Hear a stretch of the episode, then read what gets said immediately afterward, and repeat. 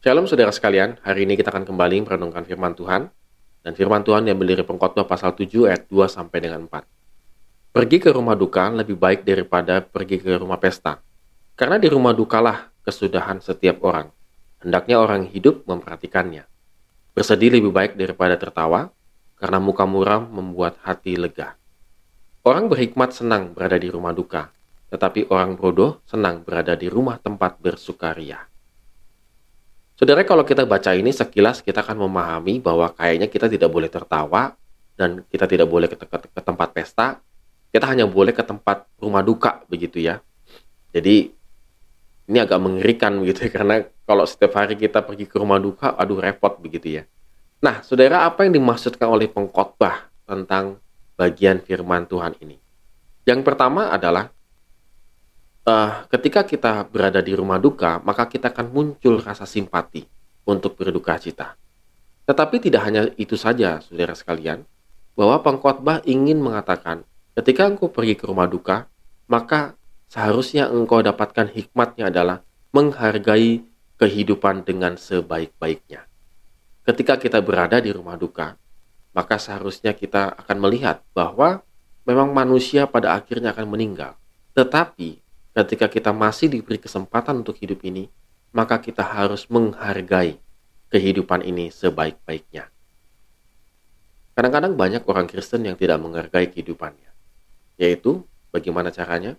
Ketika ada kesempatan untuk ibadah, ketika ada kesempatan untuk mengenal Tuhan lebih baik, maka mereka tidak menggunakannya dengan sebaik-baiknya. Mereka lebih senang untuk mengenal dunia ini daripada mengenal Tuhan.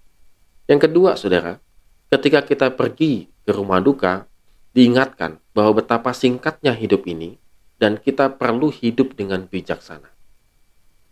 Satu sisi kita menghargai kehidupan kita, yang kedua adalah kita diingatkan bahwa hidup ini sangat singkat.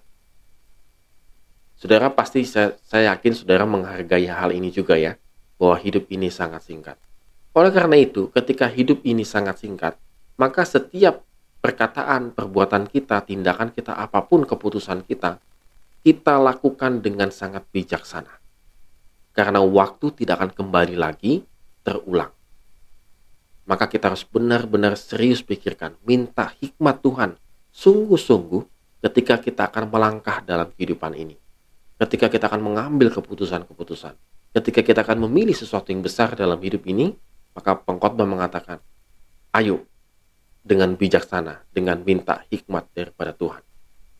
Yang ketiga, saudara sekalian, frase, uh, frase daripada muka muram membuat hati yang lega, itu menunjukkan bahwa pikiran yang serius dan bijaksana yang memperhatikan masalah-masalah kehidupan.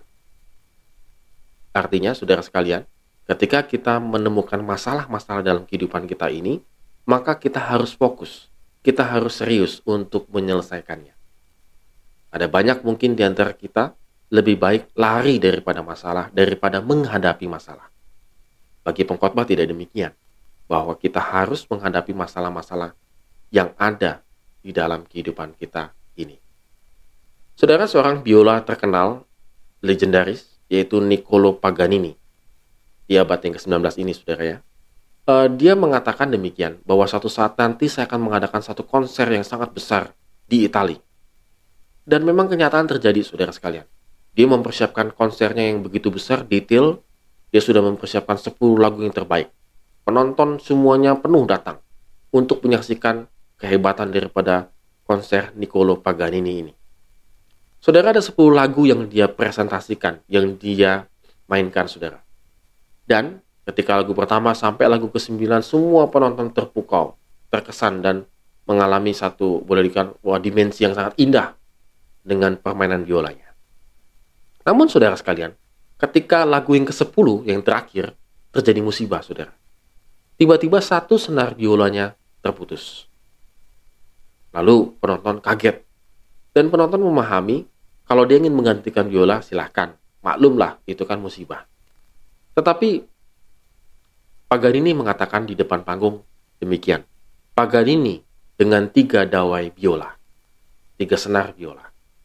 Lalu dia melanjutkan lagu ke-10 itu. Nggak berapa lama saudara putus lagi senarnya saudara. Tinggal dua senar, saudara. Penonton semakin pucat begitu, saudara. Lalu dia mengatakan demikian, Paganini dengan dua senar biola. Dia mainkan lagi, saudara, untuk menyelesaikan lagu yang ke-10 ini. Gak berapa lama putus lagi satu senarnya, saudara. Penonton semuanya pucat, nggak tahu apa yang akan terjadi gitu ya, sudah hopeless, saudara. Dan penonton, ya artinya penonton akan menghargai lah kalau dia berhenti bermain begitu. Tetapi yang terjadi adalah dia mengatakan, Paganini dengan satu senar biola.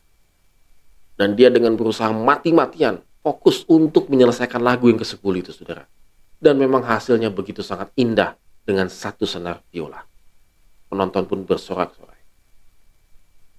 Saudara, ketika kita fokus untuk masalah-masalah yang kita hadapi, maka kita akan menemukan hasilnya nanti yang sangat indah.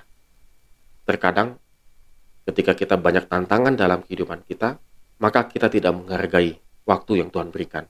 Lalu kita juga tidak mau menjalankan hidup kita ini dengan bijaksana. Karena kita pikir masalah kita ini tidak bisa selesai. Tetapi, seperti Paganini, dia fokus kepada masalah. Yang ia hadapi, dia atasi. Dan hasilnya adalah sungguh sangat luar biasa.